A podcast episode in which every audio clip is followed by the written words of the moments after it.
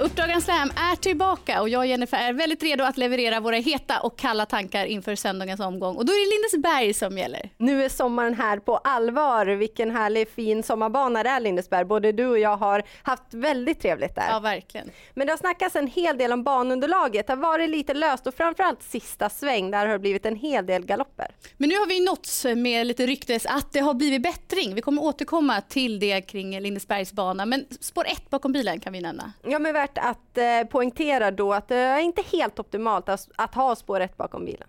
Men nu kör vi igång och här kommer veckans heta. Vi börjar i den första avdelningen med Daniel Redén tränat i nummer 7 DJ Set som återkommer efter paus. Den här hästen har tidigare varit riktigt bra i ordning när han kommer ut i banan och från spår 7, han är startsnabb, så tror jag att han har goda möjligheter att nå ledningen. När det dessutom inte låter helt påställt från en del av konkurrenterna så tror jag att han kan få bestämma det här loppet. Ja, vi har ju sett det tidigare, pratat om det tidigare i det här programmet. Små fält, ledaren får bestämma och vinner loppet. Ja, men jag håller med. Men går vi till den andra avdelningen, då är det full fält, kort distans och jag hoppas att det blir rejäl körning, vilket gynnar nummer 10, Alvas Astrid, som gjorde debut för Oskar Kjellin Blom senast. Hon var gott gåendes i sista sväng när galoppen kom. Den här gången hoppar Oskar själv upp i sulken och det här kan bli en riktigt spännande luring till slut. J.J. Stitch eh, stod för en mersmakande årsdebut när han joggade hem segern. Nu startar han i tredje avdelningen från spår tre bakom bilen och det är bra för att han är lite stänkrädd. Men eftersom han är startsnabb från bra startspår tror jag att han hittar till ledningen och då kan det vara vinnaren i loppet. Och så lovade vi att återkomma då inledningsvis om just banan på Lindesberg. Ja, framförallt i sista sväng. Det har blivit en hel del galopper där även för oss. Vi har kört en del galopper där också. Så är det. Men nu låter det som att det har blivit lite annorlunda förutsättningar och så här säger några aktiva som har kört på Lindesbergs bana i år.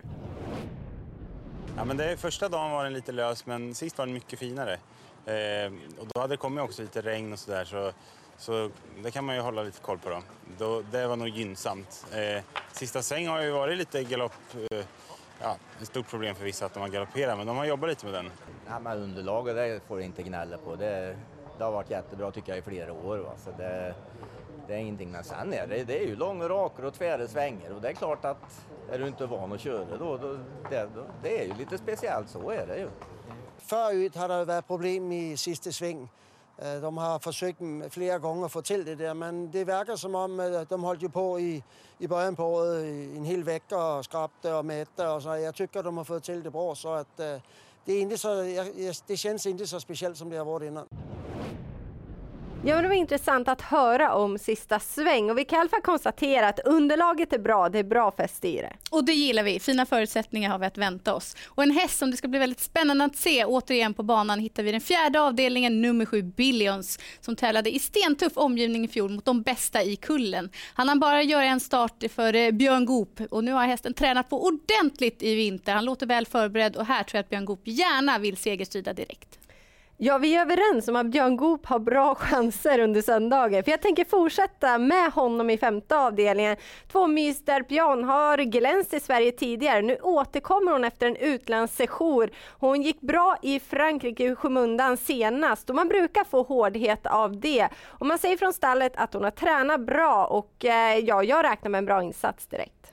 Och går vi till den sjätte avdelningen så kan nummer två Enso Am vara en luring. Det är årsdebut men rapporterna är riktigt bra. Fint utgångsläge och den här gillar att gasas med från start och han trivs allra bäst i ledningen. Här tror jag Per Nilsson är väldigt sugen på att ladda iväg och det kan bära hela vägen in i mål. Avslutningsvis så kommer vi få se ett eh, fint kallblodslopp eh, där storna startar med 20 meters försprång gentemot eh, hingstar och vallaker och det gynnar nummer fyra Läckra Lisa som har övertygat verkligen i sina segrar på sistone då hon trots vida spår varit starkast till slut. Det var våra heta omgången. Här kommer veckans kalla.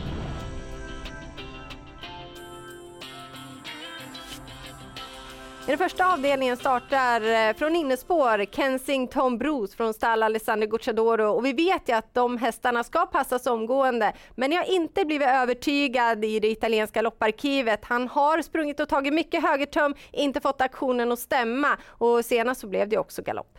Och går vi till den femte avdelningen så är nummer ett Beauty Kronos åtgärdad efter hennes årsdebut. Men hon dras ju med sina aktionsproblem och jag är inte helt säker på att hon orkar hålla ihop aktionen över den här långa distansen. Sista avdelningen, där har vi 15 Technolynet som debuterade för Gunnar Melander senast. Han behövde det loppet, ska säkerligen ha gått framåt, men läget är riktigt uselt. Han startar från bakspår på tillägg över kortdistans.